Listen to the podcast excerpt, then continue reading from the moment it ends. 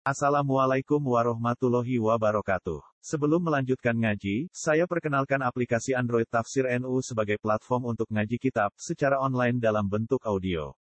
Tafsir NU berisi berbagai kajian kitab kuning dari berbagai ulama NU. Silahkan download aplikasi Tafsir NU di Google Play Store. Link download ada di deskripsi. Wassalamualaikum warahmatullahi wabarakatuh. Bismillahirrahmanirrahim. Alhamdulillahirabbil alamin wassalatu wassalamu ala asyrofil mursalin nabiyina wa habibina Muhammadin wa ala alihi washabihi ajmain amma ba'du. Uh, yang terhormat Rektor, Dekan dan semua dosen WUI. Uh, eh, ini saya mohon maaf sebetulnya agak belum minta maaf karena memang macet. Tadi macet di jalan.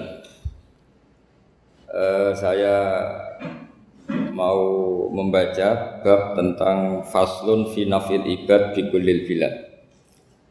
Bab seharusnya seseorang memberi manfaat kapan pun dia berada, di mana pun dia berada. Jadi kapan pun dan di mana pun dia berada. Qala Ta'ala wa ja'alani mubarakan aynama kuntu. Aina fi anni ibadihi aynama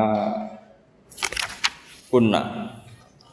Di sini diterangkan an-naf'u naf'ani, naf'un fil adyan wa naf'un fil abdan. Wal barokah kasratul khairi wa ziyadatu. Fa'athna wa ala Isa bi kaunihi ja'alahu nafi'an lil ibadi aina makana wa haitsu kana. E, jadi yang berusaha terangkan di antara sifat dasar orang-orang baik adalah di mana saja kapan saja itu memberi manfaat. Termasuk tentu saat paling sulit. Jadi Nabi Isa menceritakan dirinya itu wajah alani mubarokan eh nama kuntu saya di takdir Allah berada di mana saja memberi berkah, memberi kemanfaatan bagi orang lain. Ada beberapa cerita tentang Nabi Isa, jadi perlu diketahui ada tiga nabi yang seperiode. Satu Ibrahim dan Nabi Lut. Ibrahim itu sama Nabi Lut itu pernah paman. Kedua Nabi Musa dan Harun. Sebetulnya yang jadi nabi itu Nabi Musa, tapi Nabi Musa karena alsak lisannya anda jelas, minta Nabi Harun ya tentu minta kepada Allah supaya Nabi Harun jadikan nabi. Terus ketiga Nabi Isa dan Yahya. Yahya bin Zakaria, terus Isa ini pernah keponakan Zakaria. Kira-kira kalau di Jawa ya misanan antara Yahya dan Jawa Isa. Jadi ada tiga nabi yang seperiode. Tapi yang paling berkompeten, yang sederajat kira-kira seperti itu, itu hanya Isa dan Yahya. Karena Nabi Lot dan Nabi Ibrahim itu beda level. Karena Lot ini pernah keponakan, jadi hubungannya kira-kira yang murid dan guru. Terus Musa dan Harun itu juga nggak level karena Nabi Harun ini jadinya Nabi itu atas permohonan Nabi Musa. Sehingga meskipun Harun itu kakaknya, tapi nggak berani bantah. Jadi Nabi Musa itu dalam cerita beliau itu alsak, alsak itu lesanya agak kedal. Tapi ini alsak yang barokah. Jadi dulu ceritanya Musa kecil karena dia seorang nabi, beliau seorang nabi. Itu kalau melihat Fir'aun itu mantelnya bukan main. Padahal kecilnya dirawat Fir'aun. Singkat cerita mulai kecil sudah usil kalau melihat Fir'aun itu ya jenggotnya dipakai mainan. Terus pokoknya nakal. Ya. Lama-lama Fir'aun curiga dasar orang Israel. Nabi Musa ini turunan Israel. Lama-lama Fir'aun itu yakin kalau itu sengaja. Akhirnya Fir'aun mau membunuh Musa. Terus kata istrinya Fir'aun, Musa itu masih anak kecil, jadi seperti itu itu ya bawaan anak kecil bukan bawaan kebencian terhadap orang Kipti orang Mesir. Kalau dalam bahasa kitab kuno Mesir itu Egypt al Kipti makanya disebut Maria al ya kalau orang sekarang bilang Egypt itu bahasa kunonya Mesir itu al ya nah, memang secara bahasa Arab Mesir itu gak mungkin. Bahasa Arabnya Mesir itu gak mungkin karena Misro itu maknanya kota. Jadi kalau kamu bilang kamu ke mana? Ke Misro ke kota, lagi kota mana? Ya kota Mesir. Itu bisa debat kusir. Jadi ya kayak kita lah, kita sekolah di mana di madrasah. Madrasah terjemahnya apa? Sekolah. Nah, Kemudian oleh istrinya Fir'aun ya gini saja, buktikan kalau Musa itu masih anak kecil. Masyur itu dalam cerita dikasih bara api sama apel. Sebenarnya Musa kecil ini sudah pinter mau milih apel. Sama malaikat Jibril diarahkan tangannya itu ngambil apa? Bara api terus dikunyah. Itu yang menyebabkan lesannya Musa itu alsak agak pelak. Nah ketika jadi Rasul itu akan repot karena nanti harus pakai penerjemah. Jadi seorang Rasul tapi lesannya tidak apa? Cakap. Akhirnya Nabi Musa realistis ngendikan ketika diutus wa akhi Harun wa afsahu minni lisanan fa arsilhu ma yarid ayyusaddiquni inni akhafu ayyukadzibun. Ya Allah, saudara saya Harun itu lesannya lebih fasih. Tolong jadikan dia rasul sebagai penguat saya. Akhirnya Allah mengabulkan doanya Nabi Musa, kemudian Harun dijadikan sebagai apa? Rasul. Sehingga meskipun satu angkatan, Harun dan Musa ini enggak enggak level. Artinya enggak level itu ya Harun yang takut Musa. Terus ketiga ini Nabi Yahya dan Nabi Isa. Ini umurnya ya seangkatan, kecerdasannya, jadi nabinya sama-sama mulai kecil. Kita tahu Nabi Yahya termasuk yang diberi hitab Allah ya Yahya khudil kita babi kuwah wa atainahu hukma sobia Yahya berpeganglah kitab secara kuat dan dia saya kasih kenabian ketika kecil. Sama dengan Nabi Isa yang disebut wa yukallimun nasa fil mahdi wakah. Sehingga karena selevel dua nabi ini menjadi figur besar dalam manhaj, dalam metode dakwah. Dua karena masih misanan tadi kalau Jawa kira-kira mirip misanan. Dua nabi ini kalau memilih satu kampung, itu kalau Nabi Yahya itu milih kalau singgah di satu kampung. Nabi Yahya mesti tanya, orang sini yang paling soleh siapa, yang paling baik siapa. Ya terus singgah atau nginap di rumahnya orang baik. Tapi kalau Nabi Isa enggak, orang sini yang nakal siapa, yang paling beling siapa. Terus Nabi Isa singgah di situ. Akhirnya ada ada pertanyaan dari Nabi Yahya, lima tanzilu ala shirorin nas. Kenapa kamu selalu singgah di orang-orang nakal itu. Syiror itu orang-orang nakal. Masyur itu Nabi Isa menjawab, anatobibun udawil mardo. Di mana-mana Nabi itu ibarat seorang dokter, kerjaannya tentu menyembuhkan orang-orang yang apa? Sakit. Jadi dua Nabi ini sering berdebat, tentu debat yang baik, dan itu menjadi coro Jawa itu punjeri ilmu. Jadi manhat ilmu besar antara Yahya dan Isa. Begitu juga Nabi Yahya itu kelihatan agak agak agak rileks, panik, sanggeng takutnya sama Allah. Kalau Nabi Isa itu rileks, rileks, pokoknya kumpul orang-orang nakal itu ya rileks. Akhirnya ada dua dua pertanyaan sekaligus nanti jadi dua manhaj. Kenapa kamu sering apa masam itu, sering masam, sering apa kalau bahasa Arab itu abasa ya. Terus yang Nabi Yahya balik bertanya, kenapa kamu sering senyum, sering tertawa? Kenapa memangnya terus? Kaan naka tak manu mimakrillah. Kamu sering senyum kayak kayak kami sudah terbebas dari adab Allah, dari ditegur Allah. Seakan-akan kamu orang paling benar yang nggak akan salah. Nabi Isa balik tanya, sama kamu sering masam, sering meru, kaan naka tak natung rahmatillah. Seakan-akan kamu tuh putus asa dari rahmatnya Allah. Sehingga kemudian itu jadi manhat besar. Kalau terlalu senyum, ya dianggap orang yang kayak nggak punya perasaan dosa. Tapi kalau terlalu masam, terlalu merenggut, seakan-akan rahmat Allah itu terbatas. Sehingga seakan-akan Allah itu rahmatnya nggak cukup lah untuk mengelola manusia ini. Sehingga itu jadi metode besar yang yang masyur itu dalam sebuah hadis Nabi ngendikan ulama umati ka ambiya ibani Israel ulama umatku itu kapasitasnya atau fungsinya atau manfaatnya setingkat nabi-nabi Bani apa? Israel. Karena ketika umat ini nggak ditunggui para nabi setelah Rasulullah Wasallam, itu yang nunggui hanya ulama. Tapi ulama ini sudah cukup mewakili para nabi Bani Israel.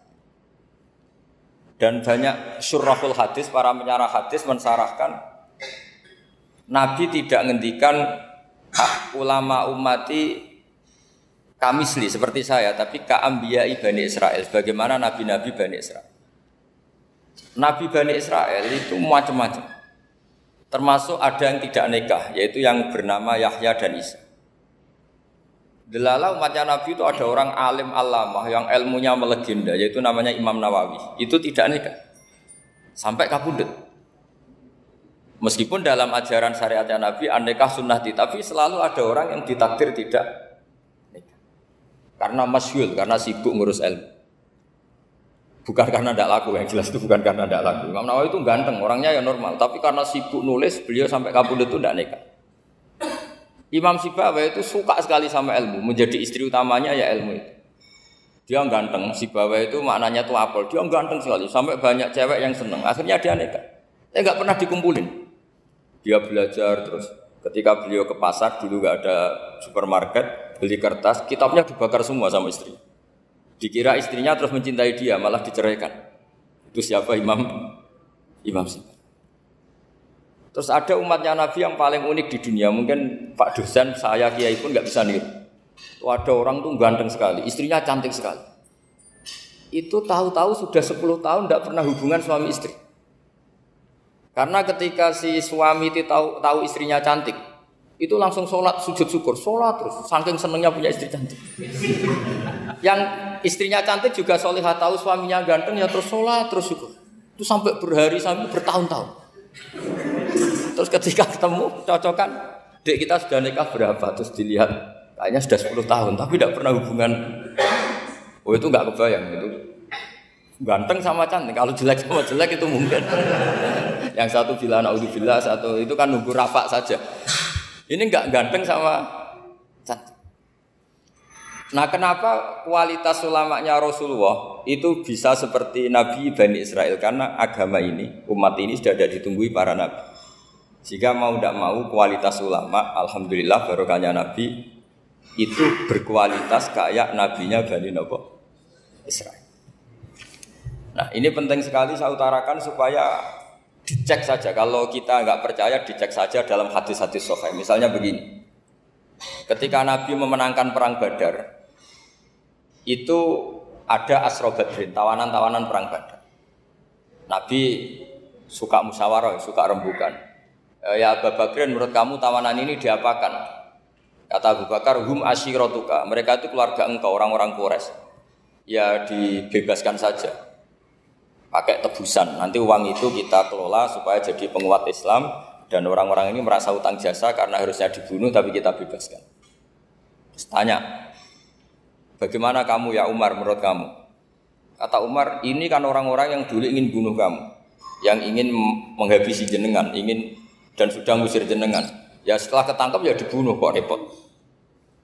Apa kata Rasulullah? Rasulullah spontan ngendikan Inna masalah kayak Abu Bakrin kama sali Ibrahim. Kamu ibarat kayak Nabi Ibrahim. Isqala faman tabi'ani fa innahu minni wa man asani fa innakal ghafurur rahim. Jadi Nabi Ibrahim itu unik. Melihat umat itu se sesafakoh itu. Safakoh itu banget sayangnya. Nabi Ibrahim cara berpikir, "Faman tabi'ani fa innahu minni." Orang yang ikut saya ya Allah pasti golongan saya, tentu layak masuk surga. Waman asoni orang yang mendurakai saya, fa innaka ghafurur rahim. Engkau Maha Pengampun. Bukan yang mendurakai langsung masuk neraka, enggak. Engkau Maha Pengampun. Wa masalu kaya Umar kama salin Nuh. Iskola robbila tadar ala arti mel kafirina dajara. Umar kamu mirip Nabi Nuh. Inginnya semua orang kafir dihabisin. Ya masyur kan Nabi Nuh itu nggak ingin ada orang kafir sampai ada banjir tufan. Nah kalau sampean tanya bedanya apa dengan garis keras sekarang? Bedanya ya beda sekali. Kalau Nabi Nuh benci sama orang kafir itu diserahkan yang punya. Sehingga yang punya yaitu Allah yang menghukum dengan banjir bandang. Tapi kalau kita kan kadang kita bertindak sendiri. Jadi potensi disalahkan. Yang jelas dalam hadis-hadis sahih, Nabi Nuh itu tidak bisa mensafaati karena itu. Ketika diminta ini hadis sahih bukan ada di Bukhari, ada di Muslim. Karena biasanya kalau di kota itu ditanya ini sahih enggak? Untungnya yang tanya kadang enggak paham ini alhamdulillahnya jadi wah repot. Nabi Nuh itu di antara sebabnya enggak bisa mensafaati adalah pernah men corong Jawa masuk no kaume. Kalau dalam bahasa Arab itu Da'a Zaidin berarti mendoakan positif. Kalau da'a Zaidin mendoakan negatif. Kalau orang Jawa itu ada doa, ada pasot. Nabi Nuh adalah orang yang pernah masukkan kaumnya. Nah, Saya cerita sedikit tentang Nabi Nuh dan Nabi Nabi Ibrahim. Nabi Ibrahim dianggap tadi cerminannya Abu Bakar dianggap niru Ibrahim, cerminannya Umar dianggap niru Nabi siapa? Nabi Nuh. Lalu kalau sampai tanya, bedanya gimana? Begini logikanya. Andai kan kita mengkaji secara akademik begini. Ada ulama besar namanya Abdul Hasan Asyadili itu masyur di Indonesia menjadi Toreko Asyadiliyah. Terus ada seorang muridnya minta gini, ya Abdul Hasan Asadili, tolong saya dikasih ijazah supaya saya tidak pernah maksiat di bumi ini. Karena saya takut sama Allah, kalau saya maksiat itu merasa tidak nyaman dengan Allah. Abdul Hasan Asadili ini malah marah besar. Atuhibbu Allah tadharo maghfiratu. Kalau kamu tidak pernah maksiat, berarti kamu suka maghfirahnya Allah Ta'ala itu tidak kelihatan, karena nggak ada yang maksiat. Tapi bukan dukung kamu yang tidak ada, ini cerita ilmiah. Tapi kalau Said Abdul Al-Haddad itu kebalikannya. Ada orang fasik gitu hidup berkeliaran, mengganggu masyarakat, ganggu ketertiban agama. Sabda kiai atau siapa gitu mendoakan supaya tobat atau dikasih panjang umur supaya nanti bisa tobat. Itu beliau Said Abdul Al-Haddad marah besar. Man da'a li fasikin bil baqa faqad ahabba ayyub sawahu fi ardi. Orang yang mendoakan orang fasik hidup berarti dia suka Allah dimaksiati di buminya. Jadi akhirnya jadi kutub besar, yang satu Sadiliyah, yang satu Hadda, Haddadi. Kenapa ya? Karena tadi yang satu cerminan Nabi Isa, yang satu cerminan Nabi Yahya. Sebagaimana sabda Rasulullah tadi, apa ulama umati ke ambiyai bani Israel. Juga masyur dalam aplikasi pengajaran juga gitu. Masyur sekali dalam kitab-kitab diceritakan kalau Said, Ab, Said Abdul Haddad, kalau ada orang sowan itu, kamu ngaji sama siapa? Sama si A itu. Pernah nangis gak pas ngajar? Gak pernah. Udah gak terus, gak usah diterusin ngaji orang seperti itu. Artinya atas ya, wong orang iso nangis ya. Tapi kalau Abdul Hasan Asadili kebalikan, kamu ngaji sama siapa? Sama si A. Pernah tertawa enggak kalau ngaji? Enggak pernah. Udah, enggak usah ngaji sama orang itu. Orang enggak bisa syukur. jadi jadi itu manhat besar. Nah, akhirnya orang-orang kayak kita ini gak jelas semua, nangis ya bisa, syukur guyu ya bisa. Cuma celakanya kalau kita nangis karena tidak punya uang, kalau guyu karena punya uang, itu masalahnya. Tapi kalau wali-wali dulu enggak, kalau senyum ya karena sangking yakin rahmatnya Allah itu wasiat rahmatu. Kalau nangis ya karena takut azabnya Allah. Kalau kita kan enggak, sangat-sangat materialistik. Ini yang membedakan kita. Sebenarnya nangis dan senyum itu satu keharusan karena Allah punya madharul jalal. Ketika Allah dengan sifat keagungannya, maka kita ini cara Jawa serako bersenyum. Tapi Allah itu kadang sebagai madharul jamal. Adanya satu keasikan. Sehingga yang merengut itu yang salah. Makanya dalam ilmu tasawuf, kutub wali itu hanya dua. Allah dengan madharul jalal, dengan Allah yang madharul jamal. Contoh madharul jalal misalnya gini. Ketika Nabi Nabi Musa ingin melihat Allah. Sangking kangennya ingin melihat Allah. Robbi ini anggur ilaik. Ya Allah saya beri hak untuk melihat engkau. Allah dengan jalalnya. Allah dengan jalalnya gini. Allah itu kodim, superior. Tentu gak layak tersentuh barang hadis. Barang hadis itu makhluk. Sehingga ketika falam mata jalla rabbuhu lil jabali ja'alahu dakka wa kharra Musa soiko. Sehingga gak levelnya apa pun hebatnya Nabi ini tetap makhluk. Sementara Allah itu kodim. Gak kuat. Makhluk yang fana ini, yang profan ini gak kuat. Gak kuat menampung zat yang kodim, yang superior. Sehingga gunung pun hancur. Nabi Musa pingsan.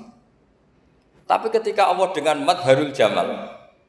Madharul jamal itu Allah dengan keindahannya, dengan kasih sayangnya. Memberi hak makhluknya untuk melihat. Nah, di sini ini Allah sering ngendikan wujuh yauma idzin nadhirah ila rabbiyah Nanti ada wajah-wajah yang di surga itu melihat saya kata. Tapi apakah betul melihat kayak saya melihat dosen, melihat Pak Rektor, melihat teman-teman itu tidak bisa.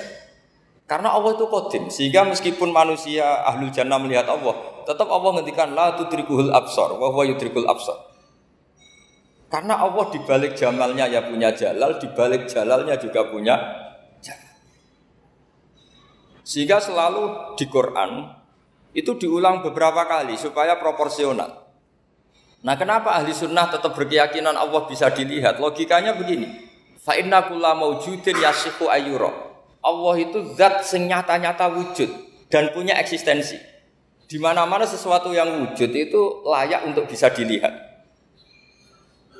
Lalu pertanyaannya gini, kenapa kita tidak bisa melihat sekarang kok nunggu di akhirat? Karena mata kita sekarang itu profan, fana. Sementara kita setelah di surga, tubuh kita didesain abadi. Ya saya ulang lagi ya, setelah kita di surga, semua fisik kita ini didesain abadi. Tentu karena desainnya sudah abadi, layak melihat dat yang abadi. Tapi pertanyaannya, kenapa tidak bisa ikhatoh, tidak bisa melihat sampai faham, latu dirikul absor? Karena abadi kita itu diabadikan, sebagaimana surga abadinya diabadikan, neraka diabadikan. Sementara Allah abadi dengan dirinya sendiri, yaitu al-qayyum atau dalam bahasa ngajinya qiyamuhu binafsi.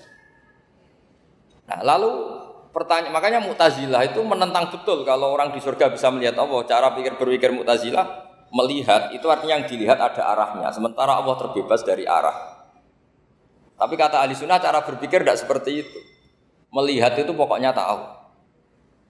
Nah, tahu karena mata itu karena kita ditektir tahu itu karena mata. Sebetulnya yang menjadikan tahu itu tidak mata. Ya kalau tahu ya tahu saja, bukan harus pakai mata. Itu cara berpikir ahli sunnah wal jamaah. Jadi sabri ya bocoran itu. Kenapa madzhab ahli sunnah itu yang dipilih oleh banyak mayoritas di dunia, jumhur itu. Ahli sunnah itu dianggap pikirannya lebih orisinil. Misalnya ahli sunnah kalau ditanya, kenapa kamu melihat? Ya melihat saja. Kenapa kamu mendengar? Ya mendengar saja. Kesannya itu tidak rasional, kayak orang yang kayak orang yang nggak pinter itu. Tapi sebetulnya itu yang benar. Jadi cara berpikir ahli sunnah itu melihat itu menjadi tahu. Menjadi tahu itu bisa karena mendengar, bisa karena melihat, bisa karena dikasih tahu, bisa karena bersentuhan. Sebab itu di Quran itu ada ayat Allah ya'lamu man khalaqa, bukankah zat yang menciptakan itu menjadi tahu. Sehingga kenapa Allah itu selalu tahu? Karena Allah yang menciptakan. Kalau kamu tahu karena mata, sekali itu jauh, maka kamu tidak melihat. Atau kamu sekarang buta, kamu tidak melihat atau tertutupi barang itu maka kamu tidak melihat. Tapi kalau kamu kamu tahu karena kamu menciptakan, maka akan melihat terus. Misalnya saya ini tukang batu. Saya ingat betul ketika saya bangun Monas, itu polpen saya tak tanam di dalam Monas. Saya ingat betul kalau polpen saya warnanya putih, tak tanam di Monas 2 meter dari pondasi. Setelah saya pulang ke Jogja ditanya, di dalam Monas ada apa? Ada polpen. Posisinya 2 meter dari pondasi. Kenapa saya tahu? Karena saya yang menciptakan Nah, karena menciptakan ini sehingga tahu saya akan terus menerus. Tapi kalau tahu karena mata sekali barang itu tertutupi, nggak tahu. Misalnya saya tahu jenengan karena dekat sekali jenengan ke mana-mana saya sudah tidak tahu.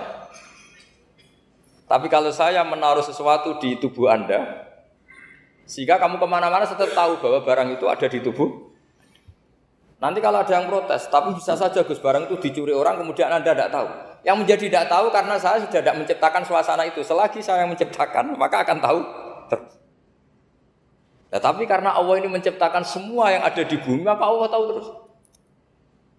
Jika Allah tahu cara bikin kuman, terus tahu bahwa manusia itu punya kuman, kumannya punya organ, organnya juga punya kuman. Terus gak kebayang.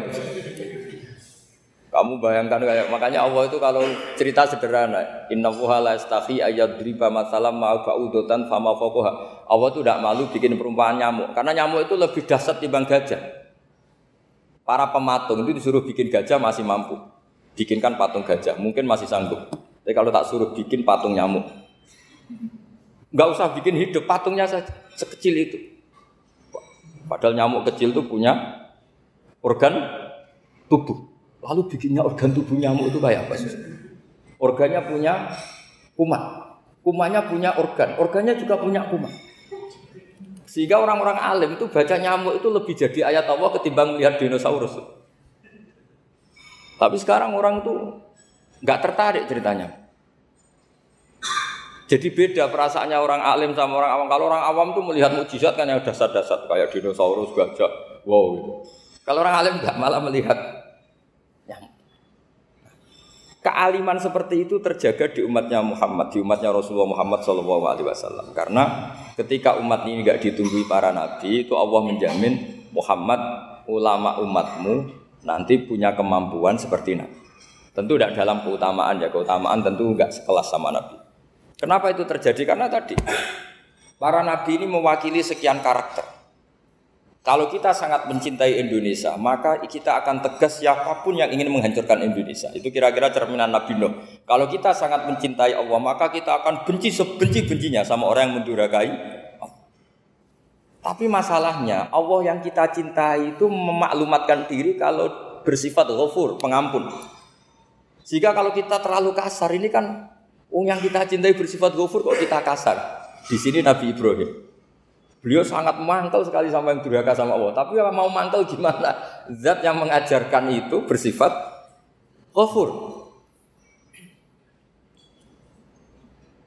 Maka kita mau tidak mau, makanya ada riwayat mengatakan laku bi akhlakillah, kamu bertata kerama kayak akhlaknya Allah. Akhirnya ya sudah, kita mau apa coba? Kira-kira kalau kamu mencintai seseorang, itu potensinya kan dua, protektif. Ada telepon itu dari siapa? Cewek atau cowok protektif. Itu bukti cinta atau bukti suudon kan tidak tahu. Tapi misalnya kamu cinta perempuan terus wa sama lelaki gak apa-apa, jalan sama lelaki gak apa-apa, sama masa lalunya pacarnya juga gak apa-apa. Itu cinta apa pembiaran? Kan sama-sama gak jelas. Nah kira-kira mencintai Allah itu kira-kira analoginya seperti itu. Kalau yang satu protektif, Allah harus dat satu-satunya yang disembah. Gak boleh didurakai, gak boleh dikhianati, gak sehingga ini sangat keras sekali. Nah, ini Nabi Nuh. Di sini ada, Nabi Ibrahim karena orang yang zat yang kita cintai bersifat ghafur. Jika kalau kita terlalu tegas beda dengan sifatnya Allah yang bersifat ghafur. Nah umatnya Nabi seperti itu mulai dulu. Ada yang moderat, ada yang keras, ada yang setengah keras, setengah moderat. Ada yang ngambil sikap, oh udah mangan turu, mangan turu, sementara mati. Nah, itu lebih baik itu timbang punya istihad tapi gak jelas mendingan itu ada riwayatnya, suatu saat ibadah akhir umatku terbaik adalah tidur. Maksudnya tidur itu gak ngambil sikap masyur itu. Saya beri riwayat yang ada di Bukhari Muslim. Sataku nufitanun Al-qaid fiya khairun nal qaim wal qaim fiya khairun nal masyi wal masyi fiya khairun nasai. Nanti di akhir zaman itu banyak fitnah kata Rasulullah yang duduk lebih baik ketimbang yang berdiri, yang berdiri ketimbang, lebih baik ketimbang yang jalan. Yang jalan biasa lebih baik ketimbang yang jalan bergegas. Man tasyarrafa laha tastasrifu. Fitnah itu adalah siapa yang terlibat maka akan semakin parah. Jika semenjak itu ulama berpikir nanti di akhir zaman kalau ada uh, fitnah itu sebaiknya orang ngambil sikap sepasif-pasifnya. Secuek-cueknya. Jadi semua surahul hadis sepakat makna hadis ini apa? Orang disuruh sikap secuek-cuek. Misalnya pilihan presiden, contoh kecil pilihan presiden. Mungkin para intelektual nggak merasa, tapi kalau ulama itu cara berpikir beda. Pilihan presiden, kamu fanatik milih A, yang satu fanatik milih B, ya presiden atau bupati atau gubernur. Terus yang satu bilang gini, wah kalau nggak di presiden A, nggak di bupati A, nggak di gubernur A, negara ini rusak. Mungkin betul dari segi apa jejak rekamnya A ini bagus. Tapi pertanyaannya secara tauhid, bagaimana Anda menggantungkan kesejahteraan sama makhluk? Kamu nggak pernah terusik begitu kan para intelektual? itu kan melukai. Bagaimana mungkin Anda menggantungkan kese, apa, kesejahteraan dengan seorang makhluk? Wah kalau di presiden A pasti Indonesia makmur, kalau bupati A pasti Sleman makmur, pasti Bantul makmur. Bagaimana mungkin makhluk yang sedang soleh kamu pastikan selalu soleh? Wong dia makhluk bisa beru, Sementara yang B misalnya fasek, wah kalau dipimpin B pasti rusak negara. Bagaimana kamu pastikan B yang fasek selalu fasek dia saja dia husnul khotimah. Yang fasek pas mimpin jadi soleh, yang soleh pas mimpin jadi fasek. Akhirnya ulama karena tahu sifat manusia itu rubah-rubah dan kendali di tangan Allah. Sikapnya nggak jelas. Saya ini termasuk orang yang terkenal nggak jelas. Karena kalau ditanya, Gus sampai pilih presiden mana, bakti mana? Sanut pangeran gesing dadi aku loyal. Wah, Anut pangeran yo kacau. Wah, luwe kacau mana anut pangeran saya. Ini kan sudah tidak sambung karena pikirannya ulama. Memang nggak beda cara berpikir ulama itu beda. Bahkan bapak saya itu kalau didik saya itu didik saya itu begini. Kalau meseli saya atau ngirim saya dulu itu kan pakai mesel. Ha ini uang kamu 500 ribu untuk kamu. Mesti ditambahi 100 ribu ini buat jajan sama teman-teman. Mesti ada uang pokok, ada uang sodako. Dulu saya sering tanya, kenapa Bapak sangat menghormati teman-teman saya? Kata Bapak, aku kue mondok, aku raiso nyukupi, sing iso nyukupi ya konco-konco. Ternyata betul, rata-rata anak kuliah atau anak mondok, uang pribadinya kan 8 hari dari dikirim sudah habis. Berarti kan masih 22 hari kok bisa hidup itu kan barokahnya teman-teman. Malah yang agak beling itu satu hari sudah habis, berarti ada 29 yang bergantung sana sini. Sehingga Nabi dulu cara ngedikan tuh unik. Kata Nabi, daun nasayar suku wahu ba'duhum ba'du. Menusau barnawa, itu saling memberi rezeki. Ketika ada kolab, Medina itu pernah kolab, terus sekarang pernah defisit. Beberapa pakar ekonomi datang ke Rasulullah, ya Rasulullah, sair, tolong dikasih harga standar. Tapi apa jawabannya Nabi? La sairu fa inna wal musair. Kamu jangan kasih harga, Allah sendiri yang menentukan harga itu. Terus kata Nabi, kenapa engkau begitu ya Rasulullah? Ini negara harus ditentukan harga karena gini-gini. Kata Nabi, saya tidak ingin ketemu Allah dalam keadaan dolim. Tapi ini tentu di teori ilmu modern ini masalah. Tapi menurut orang modern, tapi kalau menurut ilmu hakikat itu nggak akan masalah. Misalnya kenapa Nabi tidak menemukan menentukan harga dalam keadaan negara seperti itu? Jawabannya pakar-pakar hakikat, ya saya ulang lagi pakar-pakar hakikat begini. Misalnya ada orang menimbun supaya nanti harganya mahal ya. Terus ditimbun terus sampai nunggu harganya mahal. Lama-lama dia sadar kalau timbunannya nggak ada gunanya karena ternyata orang nggak beli. Nah, Ketika orang tidak punya kemampuan beli, yang menimbun juga tidak punya uang. Nah tapi kalau sampean tanya, tapi Gus nak tuku barang pokok kan kita mati karena kehabisan stok. Itu masalah tauhid Anda. Bagaimana mungkin kamu bayangkan seorang makhluk tidak bisa hidup atau nggak dapat rezeki? Nabi itu orang yang sampai ke derajat hakikat dari tidak pernah bayangkan gitu. Salah sampai yang jadi orang yang tauhidnya masalah. Sehingga terus bayangkan, wah kalau negara ini kayak, wah kita makan apa? Kalau negara gak stabil, wah kita gimana? Itu tidak bisa seperti itu. Dulu ketika kita dijajah Belanda, itu kiai-kiai kita, Mbak Asim Asyari, Mbak Ahmad Dahlan, mondoknya di Mekah. Sampai alim alama, dua beliau, Mbak Asim sama Mbak Ahmad Dahlan tuh ngajinya sama-sama Syekh Khotib Minangkabau. Cuma Mbah Hasim lebih menekuni ke Syekh Mahfud Termas, yang satu menekuni Syekh Khotib Minangkabau. Jadi dua beliau itu ngaji di guru yang sama. Mbah saya, buyut saya itu ya sudah mondok Mekah. Zaman dijajah Belanda. Sekarang kita agak dijajah, nggak mondok di sana. Buyut saya itu zaman itu sudah haji. Buyut kelima saya. Itu dulu kalau ingin cari tempat yang teduh, itu masuk ke gua. Itu masuk gua itu hanya kepalanya saja. Kakinya masih di luar. Karena gua di Arab tidak seperti gua di sini. Kalau gua di sini kan orang bisa masuk semua. Kalau gua Arab kan hanya apa celah-celah batu-batu besar. Sehingga ketika Rasulullah hijrah ke Medina, singgah di gua Sur, kata Abu Bakar gimana? Andai kan yang ada orang kafir di depan gua, kata Abu Bakar gimana? Andai kan mereka melihat kakinya, pasti melihat kita. Karena gua di sana itu satu tubuh tidak bisa masuk penuh. Kalau gua di sini kan ada yang mobil saja bisa masuk. Nah itu bahasa ya kalau mau istirahat itu masuk gua, separuh badan di di dalam gua, separuhnya masih di Nah sekarang terus kita bilang, wah kalau kita negara tidak stabil, kita haji ke mana dulu zaman dijajah Belanda, ya kita bisa haji. Soal kebahagiaan. Nenek moyang pulau jenengan tuh anaknya banyak. Dijajah Belanda, jajah Jepang, ya nyatanya anaknya banyak-banyak. Itu kira-kira bahagia apa enggak? Nah, artinya gini, ya tentu kita tidak ingin dijajah itu tentu ya. Tapi kita ini selalu latah.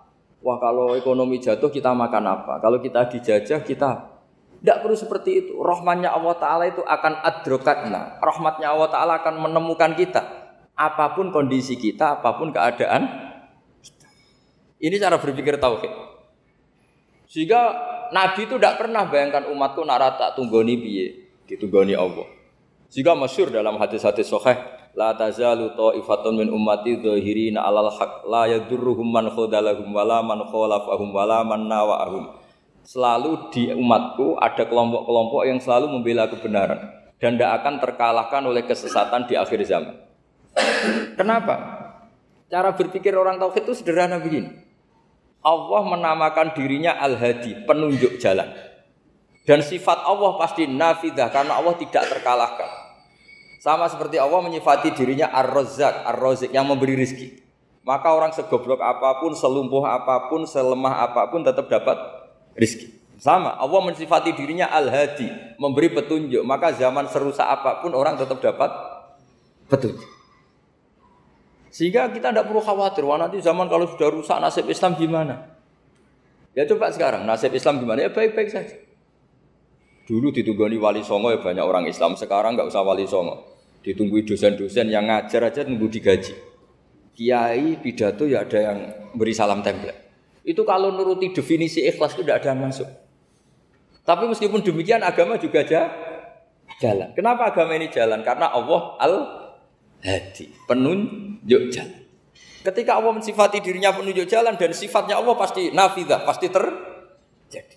Karena Allah tidak pernah gagal. Sehingga agama ini akan ada terus sampai akhir zaman. Coba Amerika kayak apa Islamofobia. Di Amerika tambah lama tambah banyak Islam. Eropa juga gitu. Australia juga gitu. Anda kan nuruti teori sosial. Sudah dunia sudah materialistik kayak gini. Orang dohirnya itu akan meninggalkan agama. Nyatanya tidak juga. Saya pernah di Korea seminggu. Itu di negara ateis. Itu TKI TKI ke sana tuh nyari uang. Ternyata ya kepikiran bikin masjid, bikin komunitas Islam. Coba siapa yang menggerakkan hati itu? Hanya Allah Subhanahu Ya, jadi cara berpikir tauhid saya ulang lagi, saya mohon sekali di pengajian ini saya cerita wajah alani mubarakan enama kuntu jadi cara berpikir sekian nabi terus kita punya karakter tertentu kita milih nabi ini milih nabi ini itu sah. Karena ulama umati keambiyai bani Israel. Ulama umatku itu ibarat kayak nabi bani Israel. Jadi ada yang milih tadi seperti Nabi Isa fokusnya ngurusi orang-orang nakal. Itu juga bagus karena di mana-mana nabi itu seperti dok dokter. Tapi Nabi Yahya hanya berkawan sama orang-orang soleh. Kita tahu berkawan orang fasik itu resiko ketularan. Iman pas-pasan wae kancana nong fasik kan takobal wa minna minkum gitu. Wong kamu sendiri tidak sehat-sehat amat berteman orang penyakitan kan bahaya. Tapi kalau kamu sebagai dokter kok hanya berteman orang sehat lalu kamu apa penelitiannya gimana? Masa saya dokter spesialis pernah penelitian semua orang sehat saya pernah saya teliti itu dokter aneh apa enggak? Saya dokter spesialis uh, eh, TBC, spesialis paru-paru. Yang kamu teliti siapa? Semua orang sehat. Pernah meneliti yang sakit? Tidak pernah. Kan ya jadi dokter aneh. Tapi misalnya terus kamu sendiri terus berteman orang penyakitan terus kan ya rawan tertular. Ini ada dua figur yaitu Nabi Yahya dan Nabi siapa? Ya saya kira demikian. Baik, jazakumullah uh, di sini kita bukakan pertanyaan mungkin dari Bapak Ibu yang Dua aja dua ya. Nanti waktunya. Ada dua pertanyaan mungkin dari Bapak Ibu sedikit bertanya.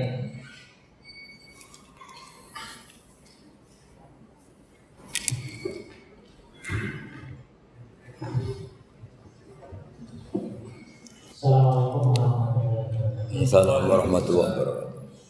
Saya akan bertanya kajian yang kemarin Ya, ya. Kemarin juga mengatakan bahwa kalau berdua itu sedikit-sedikit saja yang pokok saja gitu. Gimana? Tapi ada ulama itu. Kem, ulang lagi kak buat itu. Uh, kemarin mengatakan bahwa kalau berdua nggak usah panjang-panjang, yeah. aja. Tapi banyak ulama mengatakan bahwa kalau berdua itu yang benar karena berdua itu ibadah. Untuk ini dan berlaku. Yeah. Terus uh, banyak ulama itu yang mengatakan doa untuk ibadah doa itu intinya dan itu Gus? Oh iya. Terima kasih. Assalamualaikum warahmatullahi wabarakatuh. Dan ini gak apa-apa di sini aja. Uh, jadi jelas ya ada ayatnya udhu rabbakum tadarru'aw wa khufyah. Terusannya apa? Innahu la yuhibbul mu'tadin. Kalau kamu berdoa itu yang tadarru. Tadarru itu ya yang sangat sopan wa khufyah eh, secara diam-diam atau secara enggak berlebihan. Terus terusannya ayat innahu la yuhibbul mu'tadin. Allah itu tidak suka orang yang melewati batas. Itu termasuk melewati batas dalam doa karena ada unsur mendikti Allah. Saya memberi contoh tadi. Misalnya kita sebagai cowok berdoa ya Allah saya ingin punya istri cantik, solihah, nasabnya baik, nggak pernah cerewet, nggak pernah apa. Itu kan nanti nyarinya juga susah. Nanti kalau Allah menjabatkan itu adanya di surga, nindonya orang payu rabi, kira-kira. Ya, itu sudah berlebihan. Terus kalau ada ulama mengatakan doa itu mukul ibadah, itu maksudnya gini, Doa itu bukti kita minta, minta itu bukti kita lemah. Nah merasa lemah itu sudah bagian dari ibadah. Makanya masyur itu syairnya Abdul Al-Haddad itu. Fadu'ai wabdihali dalilun li fifty kori itu. Jadi saya berdoa itu hanya sebagai bukti saya butuh Allah. Saya sendiri tidak punya kepentingan mustajab apa enggak. Jadi wali-wali yang mengatakan doa itu mukul ibadah sebetulnya itu malah wali-wali yang dari awal gak kelintas di sembadani apa enggak enggak. Butuhnya dia itu menunjukkan bahwa saya ini lemah. Buktinya posisinya minta. Itu yang dimaksud mukul ibadah. Tapi kalau kita berdoa terus posisi kita protes. Katanya kamu baik ya Allah, engkau baik. Ternyata enggak juga. Buktinya semua doa saya enggak kamu kabulkan. Wah, ini malah doa kriminal jadinya. Jadi yang dimaksud mukul ibadah itu doa itu bukti minta. Minta itu bukti lemah. Makanya ada syairnya Abdul Haddad Masud Fadu'a hali dalilun lifif tiga. Jadi saya minta engkau ya Allah itu bukti saya butuh. Jadi itu bukan dua hal yang harus dipertentangkan. Jadi kalau doa dikatakan apa? Ibadah karena di doa itu minta. Nah minta itu bukti merasa kita lem, lemah. Berarti kita sa'il Allah mas'ul. Kita minta Allah yang kita mintain kita menengadah Allah yang berposisi memberi. Itu saja sudah cukup sebagai ibadah. Meskipun doa kita tidak mus karena memang tadi seperti itu. Kalau di ilmu-ilmu tasawuf itu apa ya? Doa itu memang memang benar-benar sudah mukul ibadah karena tadi perasaan perasaan merasa butuh sama sama Allah itu. Nah, merasa butuh itu, nah kalau kita berdoa merasa butuh sama yang kita minta, itu dalam ilmu tasawuf sudah kriminal, berarti kamu lebih butuh makhluknya. Misalnya begini ya, saya ingin punya rumah bagus, terus setelah punya rumah kredit saya utangnya banyak. Sebetulnya saya itu tidak pernah ingat Allah, gara-gara utang banyak kredit jatuh tempo, terus melibatkan Allah. Ya Allah saya ini utang banyak ini, terus tolong dibayar. Sebetulnya saya itu ingat utang. Cuma Allah tak libatkan kan gitu. Lah itu tidak akan jadi wali. Yang jenis ini tidak akan jadi wali. Saya ingin jadi dosen. Libatkan siapa ya nanya? Libatkan Allah terus malam-malam bangun libatkan Allah. Itu artinya apa? Kamu itu lebih ingin yang kamu minta ketimbang ingin Allah. Kalau wali itu nggak gitu, kangen Allah. Terus tahu Allah itu zat pemberi, karena tahu Allah zat pemberi terus minta. Maka yang di yang dikangen itu ya Allahnya dulu. Kalau kita kan enggak punya kasus dulu, punya keinginan banyak dulu, baru ingat siapa yang bisa ya. Oh Allah. Allah kita libatkan. Ya untungnya Allah baik, mau ramal utang bukan mikir untungnya Allah enggak jawab itu. Jadi itu bedanya wali. Kalau wali itu kangen Allah dulu, baru minta. Kalau kita enggak, banyak masalah dulu, baru melibatkan Nah yang jenis ini tuh bahaya, kalau nggak disembadani mesti ngomel ya. Gusti katanya kalau yang minta kamu kabulkan, ternyata ini enggak. Nanti kalau Allah jawab, kamu itu tidak kangen saya, kamu itu kangen uang, kangen perempuan cantik yang kamu inginkan. Terus kamu melibatkan saya. Urusannya apa saya dengan itu? Pak, makanya tidak usah nuntut karena awalnya sudah sudah Ya saya kira itu ya. Jadi ada ayat apa? Udu'u rabbakum tadarru'aw wa khufyah. Terusannya apa? Innahu la yuhibbul mu'tadin itu di semua tafsir dikatakan Allah gak suka orang yang berlebihan dalam doa.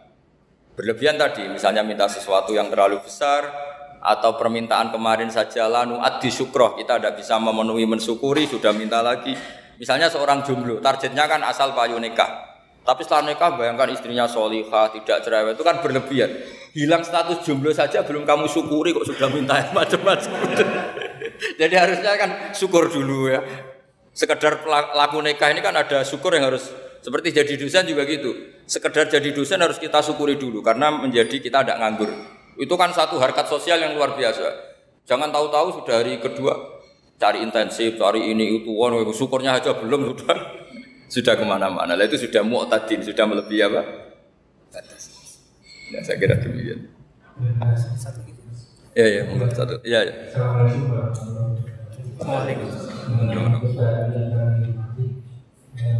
Kami melihat bahwa semua pribadi itu alumni alumni umroh banyak sekali.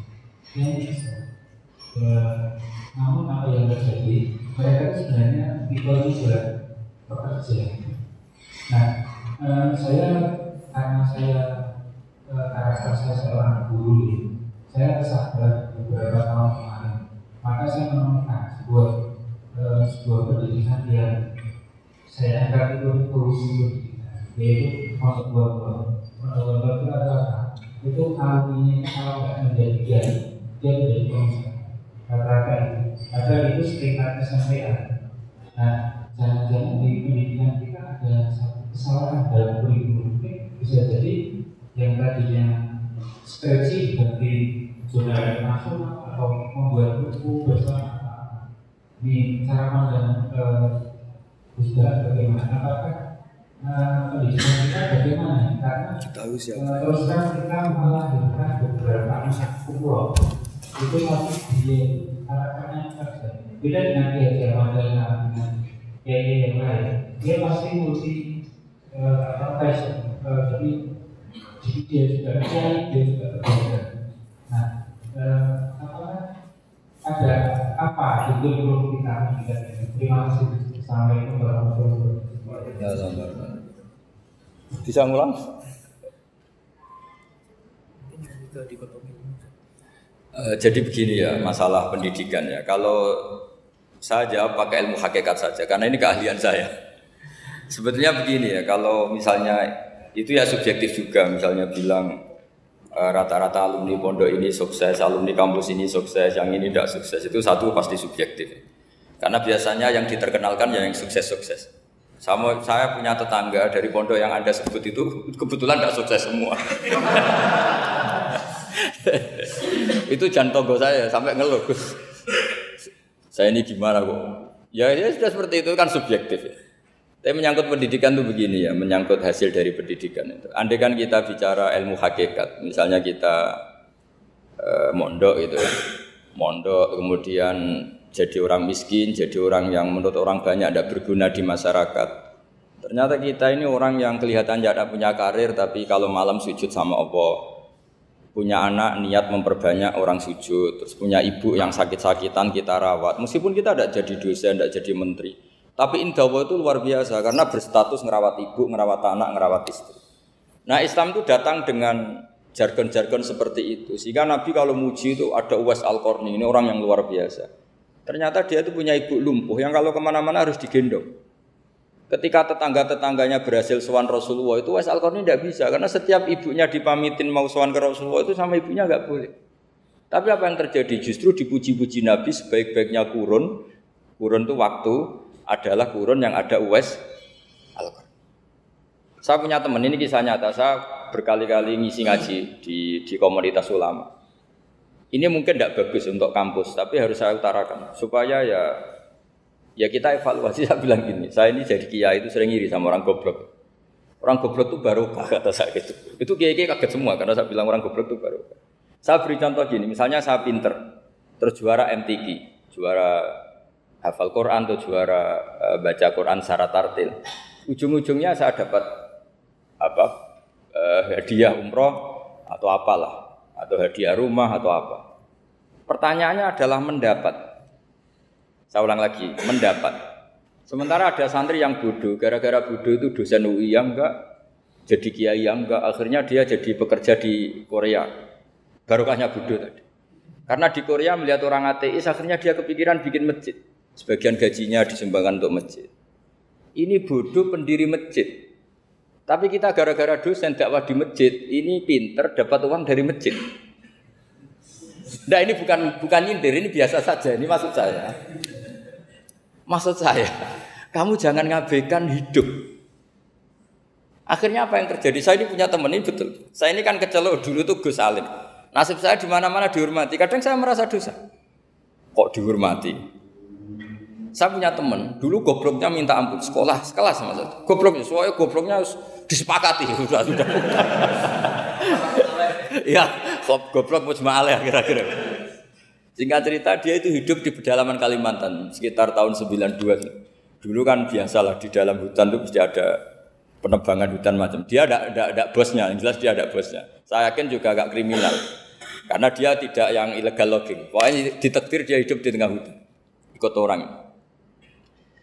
Setelah itu dulu nggak ada HP, sering kirim surat ke saya, Gus, Saya ini hidup di tengah hutan. Tapi saya ini muslim pernah mondok. Kalau nggak bikin Jumat itu nggak enak. Bikinlah dia Jumatan. Nah karena dia pernah ngaji fikih syafi'i. Kalau Jumatan nggak ada orang 40 itu harusnya zuhur tidak Jumatan.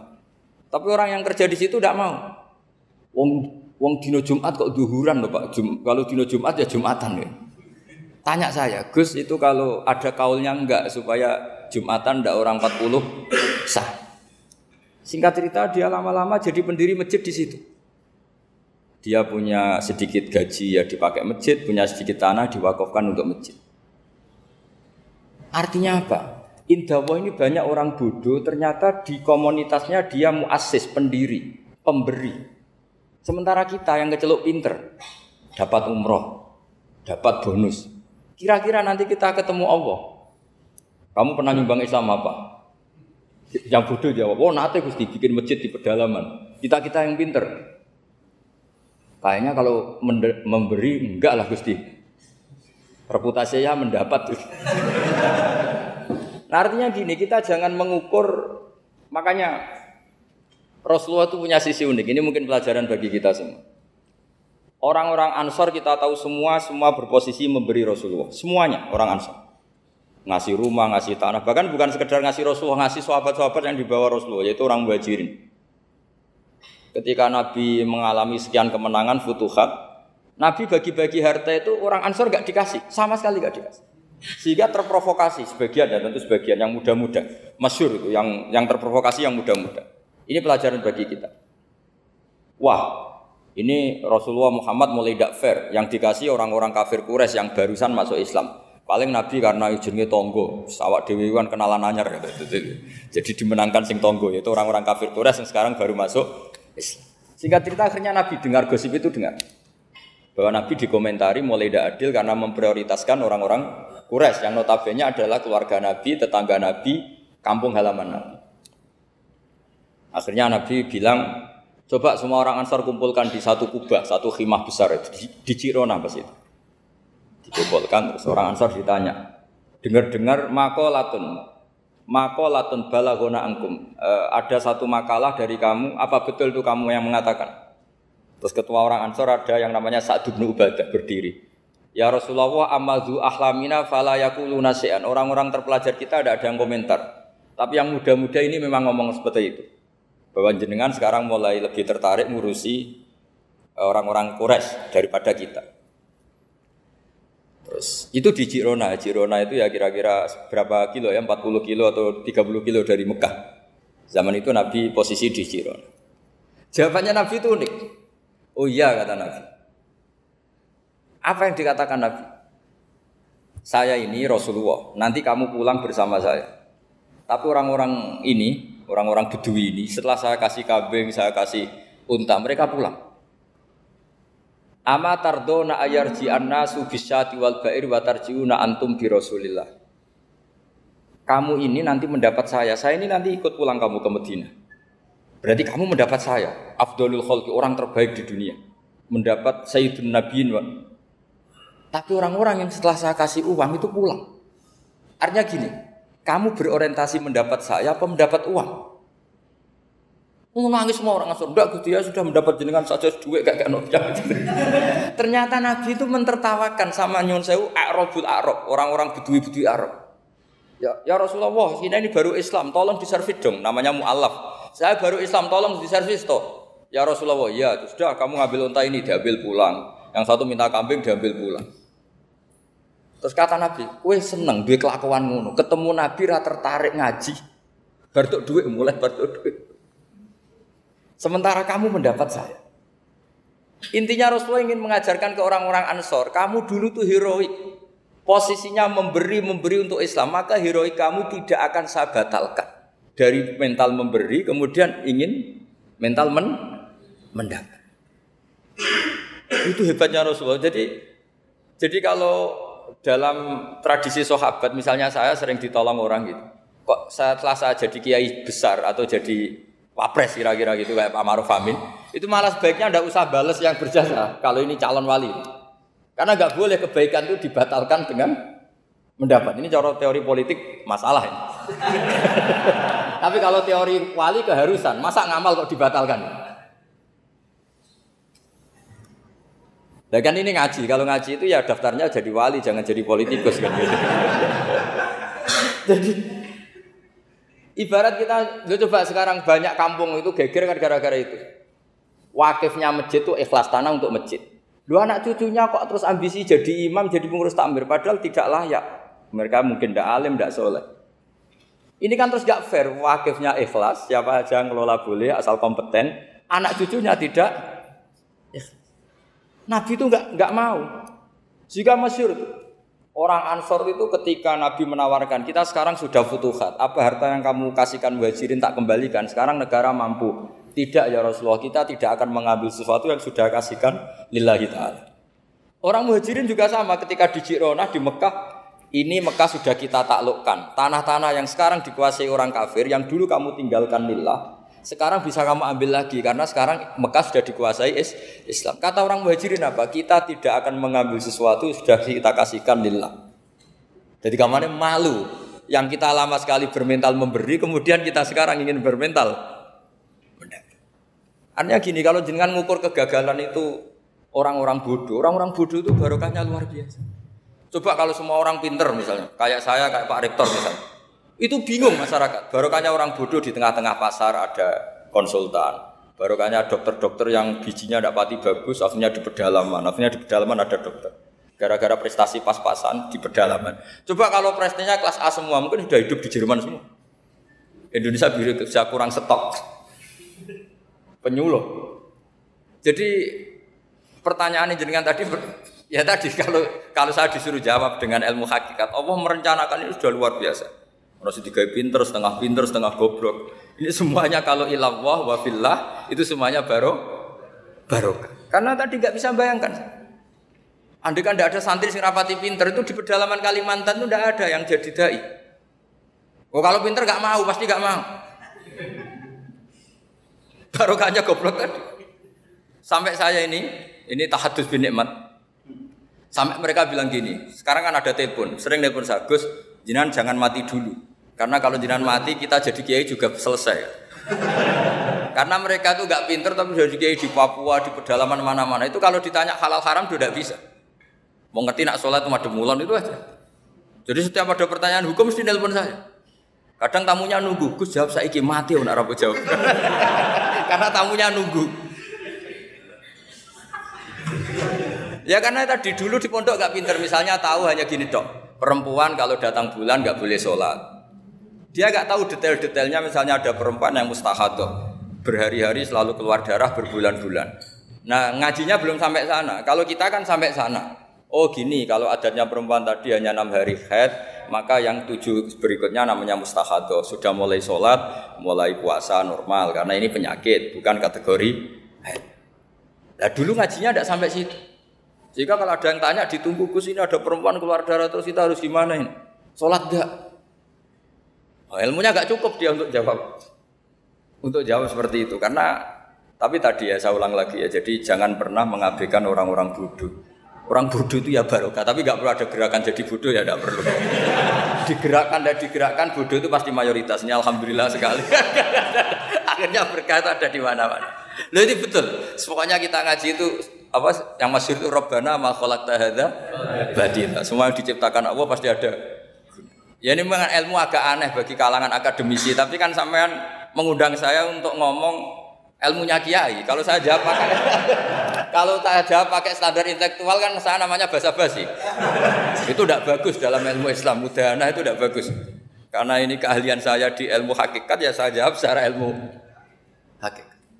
Terus itu pernah saya diceritani Pak Bintang Pamungkas itu. Itu cerita. Gus Dur juga pernah cerita banyak yang sejenis itu cerita. Gus Dur kan orang sukses di Jakarta. Itu matur nuwun sama keluarganya yang adiknya yang jadi biasa-biasa saja. Karena akhirnya ada yang rumat ibunya. Keluarga Pak Bintang itu banyak yang dokter, profesor. Tapi terima kasih sama adiknya nggak siapa-siapa. Karena barokahnya itu ibunya rumat. Coba kalau semuanya dokter, mungkin ingin hidup di kampus. Kiai juga gitu. Aduh kalau ada top, biasanya punya adik yang nggak pati top. Dan kiainya top bisa ke mana-mana karena ada adiknya yang nggak top yang rumah ibunya, yang rumah tanah. Jadi sebetulnya Allah sudah mempersiapkan sedemikian rupa. Tapi kalau kita tidak syukur ya, ya jadi repot. Itu tidak hanya cerita tentang Gus Dur, Bintang Pamungkas, mungkin Pak Jokowi, Pak Pak Soekarno, Pak semuanya sama lah. Pasti di balik orang top-top ini ada orang-orang yang berkorban untuk kebaikan keluarga di internal. Dulu ada sahabat namanya Abdul bin Maktum itu buta. Itu tidak pernah ikut perang karena buta. Tapi setiap Nabi perang itu yang jaga Medina itu Abdul bin Umi. Tapi terus jangan bilang, orang baru kayak buta ya, tidak usah gitu. Pokoknya saya cerita ini, Robbana ma kholak tahada, batilah bahwa engkau ya Allah yang kau ceritakan ini tidak ada yang nggak ada guna. Ya, kira demikian. Assalamualaikum warahmatullahi wabarakatuh.